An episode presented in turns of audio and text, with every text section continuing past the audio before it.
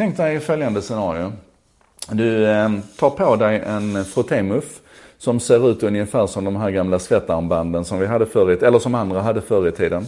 Eh, den är uppkopplad mot en, en, dator och så sätter du dig vid ett tangentbord som också är uppkopplat naturligtvis och så börjar du skriva så här.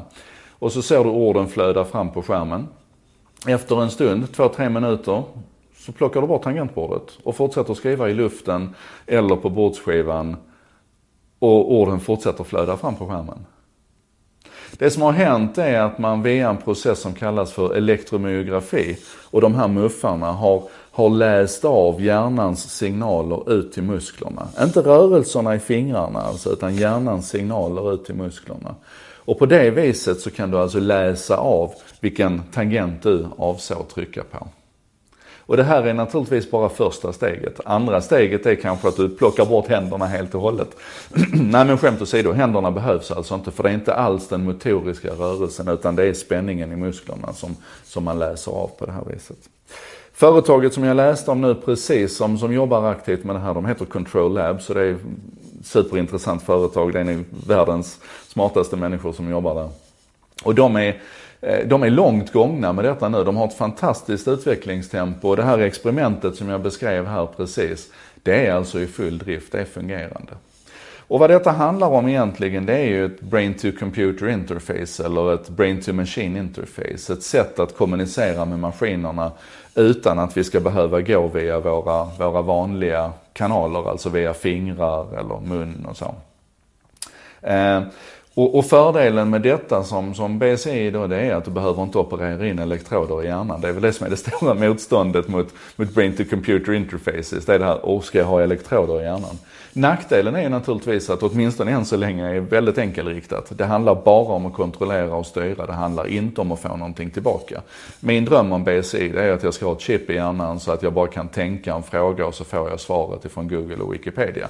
Det är inte det detta handlar om utan det här handlar om styrning och kontroll.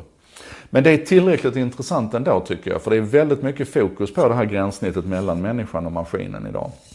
Vi såg ju så sent som igår, eh, mycket handlar ju om att vi pratar med maskinerna och igår så kom ju Apple med eh, Face ID med den här attention-delen. Alltså jag styr maskinen genom att titta på den. Min iPhone vaknar när den ser att jag tittar på den. Och det här är någonting som man jobbar väldigt, väldigt aktivt med idag. Att minska den här friktionen. Vi ska inte behöva plocka fram ett tangentbord och en mus för att liksom åstadkomma någonting. Vi ska inte behöva peka och ta och dra på någonting. Utan vi ska på andra sätt kunna interagera. Och röststyrning är ju, är ju kul och fint på alla sätt och vis. Men det är ju fortfarande en väldigt omständig väg från hjärnan till maskinen. Liksom, hela den här processen med, med mitt ljud ifrån min mun och mikrofonen i andra änden och sådär. Tänk om vi liksom bara kunde hoppa över allt det där och bara tänka det vi vill ska åstadkomma och så händer det. Det är löftet som den här tekniken bär med sig. Och jag vill att vi kan fundera på två saker här. Det ena är att vi kan, vi kan sluta den här loopen naturligtvis. Och eftersom jag sa att vi inte behöver någon hand så kan vi ju använda den här funktionen med elektromyografi för att kontrollera en protes istället. Och när vi tittar på protesutvecklingen så är den ju så fantastisk idag. Så att det är ju ingenting som säger att om jag blir av med min vänsterhand så ska jag ersätta den med någonting som fungerar som en mänsklig hand.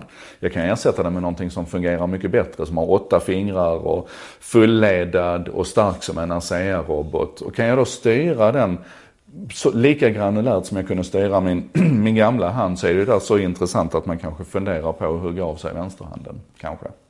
Den andra funderingen det är ju att det behöver ju inte vara muddar jag tar på mig eller en, en smartwatch som jag har på mig som läser av det här utan det kan ju vara ytor som redan finns.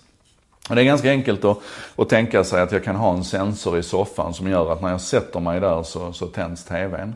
Men ska jag byta kanal så blir det lite mer komplicerat och då ser jag framför mig den här IKEA-soffan som, som använder elektromyografi för att styra via din rumpa vilken kanal som ska visas på TVn.